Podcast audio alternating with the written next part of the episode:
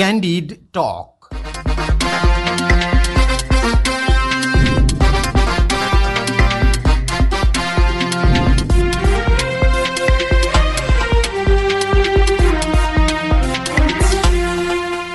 नमस्कार क्यान्डी टकमा तपाईँलाई स्वागत छ। म धीरज बस्नेत। रेडियो क्यान्डिडको प्रस्तुति कार्यक्रम क्यान्डी टक तपाईँले शनिबार बाहेक हरेक दिन बिहान साढे छ बजेबाट सात बजेसम्म आधा घन्टा सुन्दै आइरहनु भएको छ। समसामयिक विषयमा कुराकानी हुने यो कार्यक्रम तपाईँले काठमाडौँ उपत्यका र आसपासका जिल्लामा बयानब्बे दशमलव सात मेगाहर्जमा रेडियो क्यान्डिडको आधिकारिक फेसबुक पेजमा हाम्रो पात्रोमा रेडियो क्यान्डिडको एप्स डाउनलोड गरेर र पोडकास्टमा समेत सुन्न सक्नुहुन्छ। चुनावको मिति नजिकिँदै जाँदा दलहरू चुनावी तयारीमा जुटिरहेका छैनन्। बरु एमसिसीका विषयमा माथापच्ची गरिरहेका छन्। अमेरिकी सहयोग परियोजना एमसिसीलाई गिजोल्दै आएका दलहरू अहिलेसम्म यस विषयमा विभाजित नै छन्।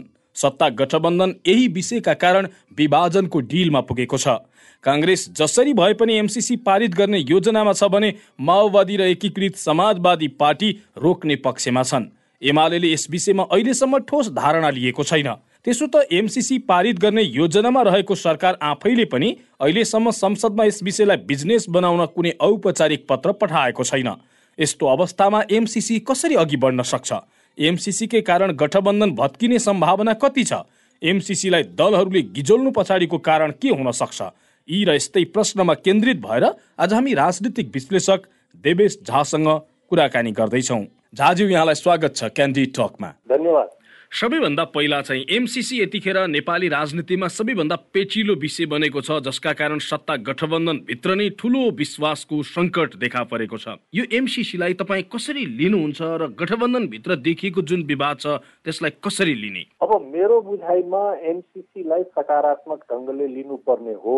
यसलाई जुन तरिकाले राजनीतिक मुद्दा अथवा भनौँ न राष्ट्रिय स्तरमा पोलराइजेसनको विषय बनाइएको छ यो एमसिसीको विवाद देखाएर आफ्नो गुमेको जनाधार गुमाउनु फेरि फर्काउनको लागि केही राजनीतिक शक्तिहरूले यस प्रकारको यो वितण्डा मचाएको जस्तो मलाई लागिरहेछ। नभए त साधारण तरिकाले संसदमा प्रवेश गराएर त्यसको छिनोफानो गरिदिए भइहाल्यो। संसदलाई त पूर्ण अधिकार छ। संसदभित्र लगेर त्यसलाई स्वीकृत अस्वीकृत जे गर्ने इच्छा भए त्यो गरे भइहाल्यो। तर एउटा कुरा नि कुनै देशसँग लिएको अनुदान वा ऋण चाहिँ संसदमा लगेर यसरी अनुमोदन गराउन थालियो भने त त्यसले फेरि गलत ट्रेन्ड बस्ला नि त होइन र? त्यो त नेपाल सरकारले आफै संसदमा लगेर यसलाई पास गराउँछु भन्न भनेकोले यो भएको हो। तर माओवादी लगायतका केही दलहरूले चाहिँ के भनिरहेछन् भने सुरुमा यस्तो प्रावधान थिएन पछि यो विषय घुसाइयो भन्ने खाले कुरा गरिराखेका छन्। नि त्यस्तो हो। तपाईँको विश्लेषणले अध्ययनले के भन्छ खासमा? होइन मेरो बुझाइमा मैले थाहा पाएसम्म यो नेपाली पक्षको आग्रहमा यो परि यो परिबन्ध गरिएको हो। यसको कारण के हुन सक्छ भने विगतका केही सन्धि सम्झौताहरू विवादास्पद भए र सन्धि सम्झौता भइसकेपछि पनि त्यसलाई ओन गर्ने अथवा त्यसलाई स्वामित्व लिन पछि आएका सरकारहरूले मानेन। त्यसले गर्दा यसलाई संसदबाटै पारित गरेर एउटा टुङ्गोमा पुर्याइदियो भने त्यो पछि आउने सरकारहरूले पनि त्यसलाई स्वामित्व दिइरहनु पर्ने अवस्था हुन्छ भन्न खातिर मलाई लाग्छ यो व्यवस्था गरिएको होला। तर संसदबाट बहुमतले पारित गर्दा त्यसले त कानुनको रूप लिन्छ त्यसले भोलिको दिनमा अर्को समस्या ल्याउन सक्छ भन्ने जुन बुझाइराखेका छन् जति पनि राजनैतिक दलहरूले खास गरी कम्युनिस्ट पार्टीहरूले सत्तामा भएका कम्युनिस्ट पार्टीहरूले यसलाई चाहिँ फेरि गलत रूपमा बुझिहाल्न पनि त फेरि नमिल्ला। अब धीरजजी अहिलेसम्म यो विषयहरू उठान गर्ने पक्षले बुन्दागत रूपमा आफूलाई प्रस्तुत गर्न सकेको देखिन्न। के देखिन्छ भने केही बुन्दाहरू यस्ता छन्।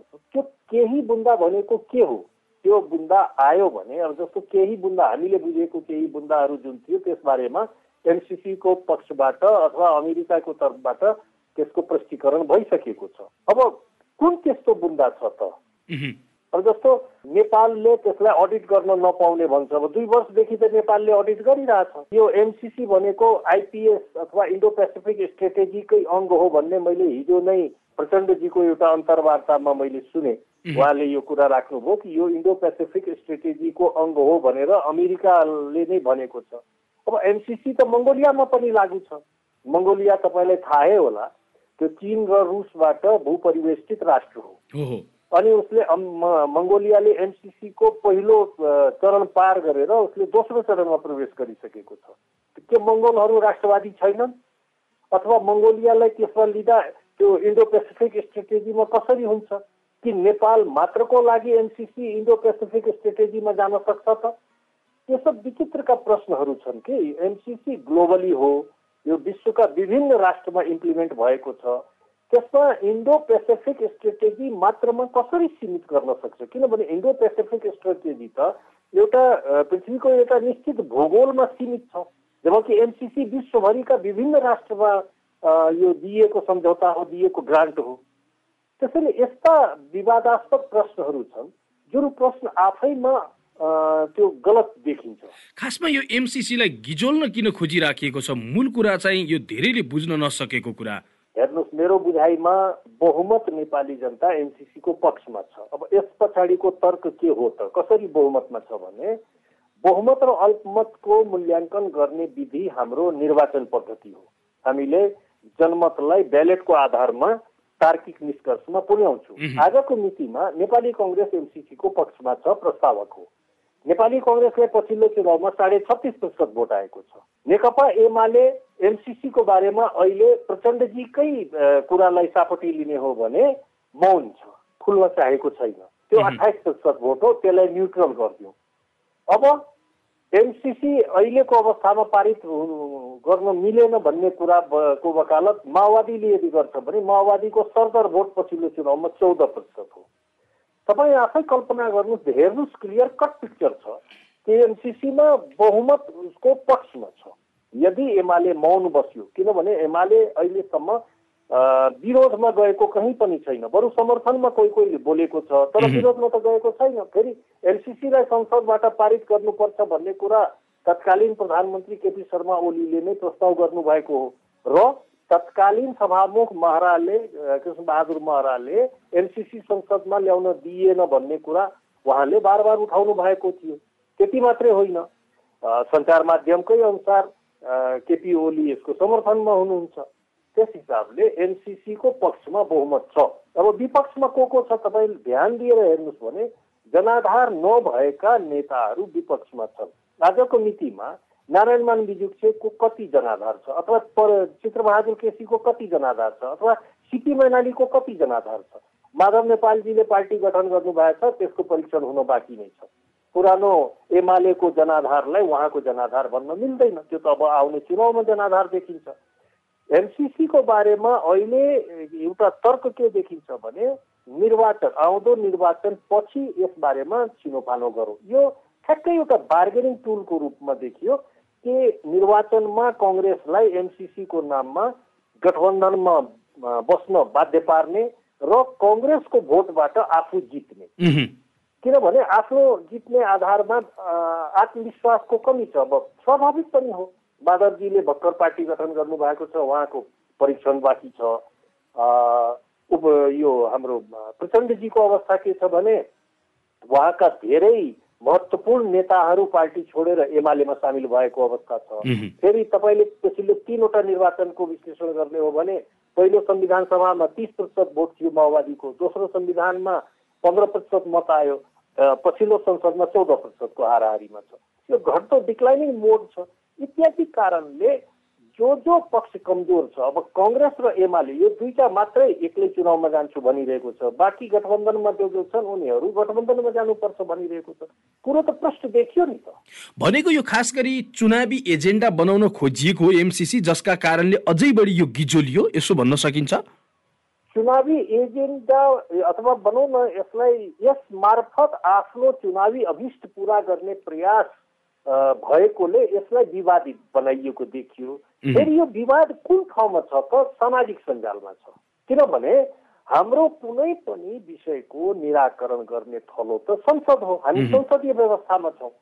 र संसदीय व्यवस्थामा विषयलाई संसदमा प्रवेशै गर्नु नदिने हो भने त त्यसको निराकरण कसरी हुन्छ? संसदभित्र प्रवेश गराउँ त्यहाँबाट अस्वीकृत गरे भइहाल्यो। जस्तो अर्को कुरा नि कतिपयले के पनि भनेका छन् भने एमसिसीलाई चाहिँ खास गरी चाइनाको जुन इसारामा एमसिसीलाई रिजेक्ट गर्ने खालका खेलहरू चले भन्ने खालका टिप्पणी पनि सुनिन्छ।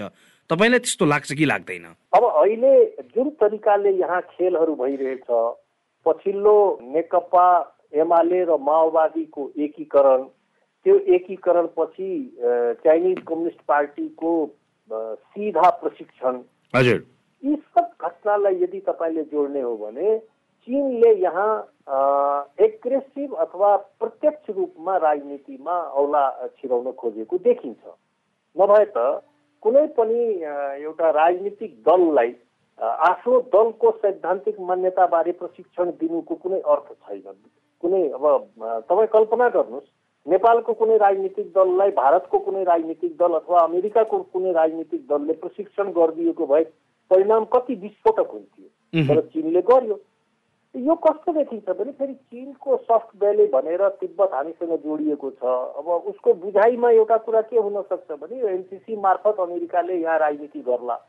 अब अमेरिकाको त मेरो बुझाइमा मैले बुझेसम्म पचास साठीवटा एनजिओ आइएनजिओ मार्फत अमेरिकनहरूले यहाँ सहयोग सञ्चालन गरेका छन्। अलरेडी छ नेपालमा जारी छ। तपाईँको दुई हजार छ्यालिसको परिवर्तनपछि केयर नेपाल भन्ने संस्थाले व्यापक रूपमा यहाँ काम गरेको थियो। पहाडमा भएका अधिकांश झोलङ्गे पुल बनाउने संस्था केयर नेपाल नै हो। र केयर नेपालमा मेजर इन्भेस्टमेन्ट अमेरिकाको थियो। त्यति बेला त कसैले पनि अमेरिकन सेना आउने कुरो गरेको थिएन। फेरि कस्तो हास्यास्पद छ धीरजजी। आजको यो स्टार वार्सको युगमा जब सेटेलाइटबाट सारा चिज चलिरहेछ ड्रोन मार्फत आजकल युद्ध भइरहेछ र कम्प्युटर र इन्टरनेटमा अब वार हुन्छ त्यति बेला यो बोर्डरमा राइफल तानेर फिजिकल वारको कल्पना गर्नु नै हास्यास्पद छ। तथापि दक्षिण एसियाको राजनीतिलाई तपाईँले हेर्ने हो भने चिनले अमेरिकालाई दक्षिण एसियाबाट निकाल्न खोजेको देखिन्छ। तर एउटा कुरा नि मैले तपाईँसँग यो कुरा बुझ्दै गर्दा वा तपाईँले यो भन्दै गर्दाखेरि मैले तपाईँसँग एउटा जान्न खोजेको यदि एमसिसी त्यति धेरै त्यत्रो ठुलो महत्त्वको विषय हुँदैन थियो भने अमेरिकाले लु पास गर लु कार्यान्वयन गर लु अगाडि बढाऊ भनेर यो दारम तार दबाब दिनुपर्ने पछाडिको यो कारण चाहिँ के हो? अलि अलि यो पनि रहस्यमय त लाग्छ नि होइन र?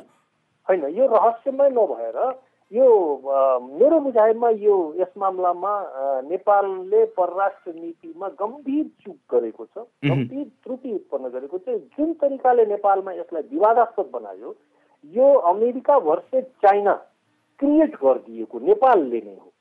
अब त्यस कारणले यहाँ स्थिति के छ भने अब यो एमसिसी असफल हुनु भनेको चिनले अमेरिकालाई नेपालबाट धपाउनुमा कायम भएको छ। मैले केही पहिले देखेँ एमसिसीको उपाध्यक्ष फातिमा सुमारको पनि मैले स्टेटमेन्ट देखेको थिएँ सञ्चार माध्यममा। उहाँले यो भू राजनीतिक कारण तर्फ इसारा गर्नुभएको थियो। त्यो त्यो के देखिन्छ भने नेपालीहरू नेपाली नेतृत्वहरूको अलिकति भनौँ न सुझबुझको कमीको कारणले एमसिसीलाई कुन तरिकाले लिएर व्याख्या गरिदिएको छ भने अब यो एमसिसी यहाँबाट पारित भएन अथवा एमसिसी अस्वीकृत भयो भने यहाँ चिनको वर्चस्व कायम भयो। त्यस प्रकारको मेसेज ग्लोबली जानेछ र अमेरिकाको लागि त्यो एउटा चिन्ताको विषय हुन सक्छ। भनेको उसले यहाँ नेपालमा मेरो उपस्थिति छ भन्ने दर्शाउनका लागि पनि एमसिसी पारित गर्नका लागि जोडबल गरेको हो र एमसिसी कार्यान्वयन गर्न खोजेको यति मात्रै हो कारण यो पछाडि अरू अरू कुनै पनि कारण छैन। यो मैले भने नि नेपाली नेतृत्वले जुन तरिकाले यो विषयलाई अगाडि बढाइदिए त्यसले यसलाई चाहे अमेरिका भर्सेस चाइना क्रिएट गरिदिए। नभए त यो त्यो वास्तवमा हुनुपर्ने आवश्यकता थिएन। अलरेडी चिनको बिआरआईको एग्रिमेन्ट त भएकै छ। भारत लगायत विभिन्न मुलुकहरू भएको बिमस्टेकको एग्रिमेन्ट नेपालले गरेकै छ। एमसिसीको पनि एग्रिमेन्ट भइदियो भने नेपालको लागि हितकर नै हुन्छ। अब यसलाई बेमतलबमा यो एउटा ठुलो अन्तर्राष्ट्रिय विवादको विषय किन बनाउन यहाँ खोजेको होला? त्यसमा फेरि कतिपय नेताहरूले यसलाई प्रष्ट रूपमै जस्तो मैले अस्ति नै चित्रबहादुर केसीजीको मैले एउटा वक्तव्य सुने उहाँले के भन्नुभएको छ भने जुन तरिकाले अमेरिका आइरहेको छ यसले प्रष्टै देखाउँछ यो चिनको विरुद्धमा छ। यो भन्नुपर्ने थियो?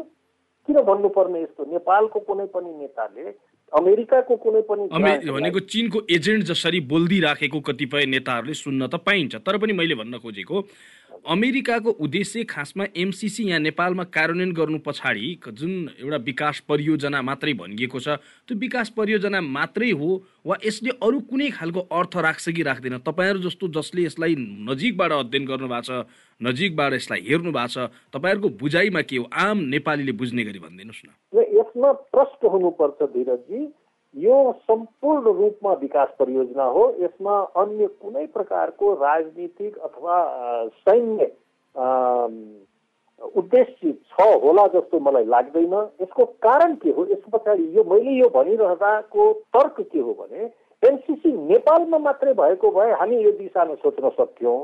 तर यो त विश्वका विभिन्न देशमा छ मैले सुरुमै राखेँ। मङ्गोलिया जस्तो चिन र रुसबाट घेरिएको देशमा एनसिसी छ र मङ्गोलहरू जतिको राष्ट्रवादी त विश्वमा थोरै मात्र होला। त्यस्तो देशमा पनि एनसिसीले काम गरिरहेको छ। त्यसैले एनसिसीलाई राजनीतिक अथवा सैन्य परियोजनाको रूपमा लिनु मलाई लाग्छ सुझबुझको कमी होला। यो पूर्णतः विकास परियोजना हो र नेपाल जस्तो एउटा गरिब अति अल्प विकसित र लाखौँ नेपालीले विदेशमा गएर जीवनयापन गर्नुपर्ने अवस्था भएको राष्ट्रले त अनिवार्य रूपमा यसलाई चाहिँ स्वीकार गर्नुपर्छ स्वागत गर्नुपर्छ। अब एमसिसीको विषयलाई लिएर सत्ता गठबन्धनभित्र चरम विवाद छ। खास गरी माओवादी र एकीकृत समाजवादी पार्टी कुनै पनि हालतमा यसलाई पारित गर्नुहुन्न भनिराखेका छन्। कङ्ग्रेस जसरी हुन्छ पारित गर्नुपर्छ भनेर लागि परेको छ।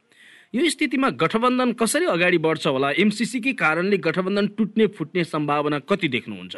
टुट्दैन होला मलाई लाग्दैन। किनभने यो गठबन्धन आइडियोलोजीको गठबन्धन होइन। अब यसमा तपाईँ हेर्न सक्नुहुन्छ नेपाली कङ्ग्रेसको आइडियोलोजी र माओवादीको आइडियोलोजीमा कुनै कतै पनि एउटा बुन्दामा पनि एकरूपता सम्भव छैन। यो पूर्ण रूपेण एउटा व्यावसायिक गठबन्धन हो व्यापारिक गठबन्धन जस्तो भएको छ। प्रफिट एन्ड लसको आधारमा तय गरिएको गठबन्धन हो। अब यसमा त वान पोइन्ट प्रोग्राम थियो। हिजो मैले प्रचण्डजीको अन्तर्वार्तामा देखेँ उहाँले घुमाउरो पारामा धम्की पनि दिनुभएको छ। कि उहाँ बालकोट गइदिनुहुन्छ। अर्थात् अब ओलीजीलाई सपोर्ट गरिदिनुहुन्छ। यो ओल देउवालाई थ्रेट गरेको मात्रै हो होइन? तर यो गठबन्धन भत्काउने हैसियतमा गठबन्धनका दलहरू छैनन्। कङ्ग्रेसले गठबन्धन भत्काउन खोजे पनि गठबन्धन भत्किनेवाला छैन। यो फेरि नेपालमा त अखाडमा शान्ति एउटा ठुलो महोत्सव पनि हो तपाईँलाई थाहै छ। त्यसैले यो गठबन्धन भत्किने तत्कालमा कुनै सम्भावना देख्दिनँ। चुनाव आइसकिया छ। कहाँ गठबन्धन भत्काउनु सरकारमा भएको कुर्सी छोडेर को जान्छ? तर एउटा कुरा नि खास गरी अब यो एमसिसीको विषयलाई लिएर यति धेरै हल्ली खल्ली गर्दाखेरि एमसिसी अब कङ्ग्रेसले यदि एमालेसँग मिलेर पारित गरिदियो भने त गठबन्धनमा बस्नुको औचित्य कसरी रह्यो त यो माओवादी र एकीकृत समाजवादीका लागि? नैतिकताको त कुरै नगरौँ धीरजी नेपाली राजनीतिमा यो विषय एउटा हास्यास्पद विषय हो। नेपाली कङ्ग्रेसलाई को उम्मेदवारलाई हराएर आएका होइनन् माओवादीहरू? अहिले तपाईँ माओवादीका मन्त्रीकै कुरा गर्नुहोस्। जनार्दन शर्माजी अर्थमन्त्री हुनुहुन्छ। तर उहाँ आफ्नो निर्वाचन क्षेत्रमा चुनाव त नेपाली कङ्ग्रेसकै उम्मेदवारलाई पराजित गरेर एमालेको भोटबाट चुनाव जितेर आउनु भएको होइन यो विषयको त कुनै अर्थै छैन कि? यो भोट नदिँदैमा गठबन्धन किन भत्काउनु पर्छ उहाँहरू बहिष्कार गरिदिनु हुनेछ भनेको एकीकृत समाजवादी र माओवादी संसदमा अनुपस्थित रहने एमाले र कङ्ग्रेसको समर्थनमा एमसिसी पारित गर्ने यस्तो खालको योजना बनिराखेको हो अहिले। मेरो बुझाइमा अब एमाले समर्थन पनि जनाउन सक्छ अथवा उसले जसरी संसदमा हो हल्ला गरिरहेछ त्यो हो हल्ला नै गरिरहनेछन् त्यो पनि हुन सक्छ। किनभने हिजो प्रचण्डजीको एउटा इसारा के थियो भने यथास्थितिमै एमसिसी टेबल भयो भने त्यो सङ्ख्याको आधारमा त्यसको पारित गर्न सकिनेछ। सङ्ख्याको आधारमा यदि एमाले हो हल्लामै रह्यो र एकीकृत समाजवादी र माओवादीले बहिष्कार गरिदियो भने कङ्ग्रेसको र लोकसभाको महन्तजीको पार्टीले अलरेडी एमसिसीको पक्षमा बोलिसक्नु भएको छ। फेरि बाबुराम भट्टराई पनि म एमसिसीको पक्षमै बोल्नु भएको छ। त्यस हिसाबले बहुमत भइहाल्यो। उपस्थित सङ्ख्याको बहुमतबाट बहुमत पारित गर्ने हो। उपस्थित सङ्ख्याको। त्यसको लागि संसदको सम्पूर्ण सङ्ख्याको फिफ्टी वान पर्सेन्ट चाहिएन। तत्काल संसद बहुमत भए पुग्छ भनेको त्यसरी पारित हुनै सक्ने सम्भावना चाहिँ तपाईँ कति देख्नुहुन्छ? एमालेको त्यसमा अडान वा एमालेको एउटा रणनीति एमसिसीलाई लिएर फेरि अलिक दोधारे खालको छ। त्यसलाई कसरी हेरिरहनु भएको छ तपाईँले? होइन यो संसदमा टेबल गरियो भने पारित हुन्छ। मैले अर्को पाटो तपाईँसँग जोड्न खोजेको। खास गरी मधेसवादी दलका विषयमा तपाईँको विश्लेषण हामीले धेरै सुन्न पाउँछौँ। चुनाव नजिकिँदैछ। मधेसमा फेरि अर्को एउटा शक्ति उदाउन खोजिराखेको छ सिके राउतको नेतृत्वको जनमत पार्टी। सिके राउत नेतृत्वको जनमत पार्टीको पछिल्ला गतिविधिलाई तपाईँले कसरी हेरिरहनु भएको छ र अन्य राजनीतिक दलहरूको अवस्था के देख्नुहुन्छ मधेसमा? अब सिके राउतजीको पार्टीले किसानका मुद्दालाई प्राथमिकतामा राखेर एउटा आन्दोलन सञ्चालन गरिरहेको छ। आन्दोलनको विषय जायज हो त्यसलाई अन्यथा भन्न मिल्दैन। नेपालमा किसानहरूलाई मलको जुन समस्या छ त्यो त व्यथिति नै छ। यसलाई अराजक भने पनि हुन्छ। त्यसलाई उहाँले उठान गर्नुभएको छ। मुद्दाको रूपमा उहाँ सही ठाउँमा हुनुहुन्छ। अब उहाँको यो मुद्दालाई उठाएर आफ्नो जुन तरिकाहरू जुन प्रक्रिया उहाँले अवलम्बन गर्नुभयो त्यस विषयमा विवाद हुन सक्छ। तर नेपाली राजनीतिमा वर्तमान अवस्थामा भएका जति दल छन् त्यो सब लगभग अलिकति उग्र रूपमा प्रदर्शन गरेरै राजनीतिमा स्थापित भएका छन्। त्यस हिसाबले सिके राउतले लिएको बाटोलाई पूर्ण रूपेण गलत भन्न मिल्दैन। अब उहाँले अहिलेसम्म निर्वाचनमा भाग लिएर मतलब राष्ट्रिय स्तरमा विगतमा केही मध्यावधि निर्वाचनमा भाग लिनु भएको थियो त्यसमा गम्भीर उपस्थिति उहाँको भएन। तर यसपालिको निर्वाचनमा भाग लिएर आफ्नो उपस्थिति देखाएपछि मात्रै उहाँको बारेमा कुनै ठोस टिप्पणी गर्ने अवस्था हुन्छ उहाँको जनाधारको बारेमा। अब बाँकी यो दुईटा राजनीतिक दलको कुरा गर्ने हो भने उपेन्द्रजी त अब आफूलाई मधेसवादी दल भन्न पनि रुचाउनुहुन्न। उहाँको तर्क पनि गलत छैन। अब बाबुराम भट्टराई अशोक राई राजेन्द्र श्रेष्ठहरू भएको पार्टीलाई मधेसवादी दल कसरी बन्ने? हालाकि भोटको आधारमा बन्ने हो भने फेरि उहाँको पार्टीलाई पन्चानब्बे प्रतिशत भोट फेरि मधेसबाट मात्रै आउने हो। अब लोकसभा एउटा मधेसवादी दलको रूपमा अहिले छ। तर धीरजी पछिल्लो समयमा यो दुइटै पार्टीको अवस्था पहिलेको जतिको लोकप्रियताको ग्राफ अहिले कायम छ जस्तो लाग्दैन मलाई। भनेको जसपा र लोकसभा दुवै मधेसमा कमजोर हुन्छन् र आगामी निर्वाचनमा सिके राउत नेतृत्वको जनमत पार्टी बलियो भएर उदाउन सक्छ। तपाईँको विश्लेषण यही हो। सिके राउतको पार्टी बलियो भएरै उदाउँछ भन्नेमा त म अहिले ठोकेर कमेन्ट गर्न सक्दिनँ। तर उहाँको उपस्थिति हुन्छ र त्यो धेरै ठाउँमा निर्वाचन परिणामलाई प्रभावित गर्ने खालको हुनेछ। भनेको सिके राउतले आफ्नो अस्तित्व चाहिँ जोगाउन सफल हुनेछन्। त्यो होला। हस् यहाँलाई समय र संवादका लागि धेरै धेरै धन्यवाद। हस् धन्यवाद। आजको कार्यक्रममा पेचिलो बनेको एमसिसी र मधेसवादी दलहरूको राजनैतिक भविष्यका विषयमा राजनैतिक विश्लेषक देवेश झासँग कुराकानी गर्यौं हौस् त क्यान्डी टकको यो अङ्क आजलाई यति नै। प्रविधि संयोजनका लागि सशिन्द्र गौतम र सृजना भुजेललाई धन्यवाद। कार्यक्रमबाट म धीरज बस्ने विदा माग्छु। रेडियो क्यान्डिड सुन्दै गर्नुहोला। नमस्कार। Candid talk.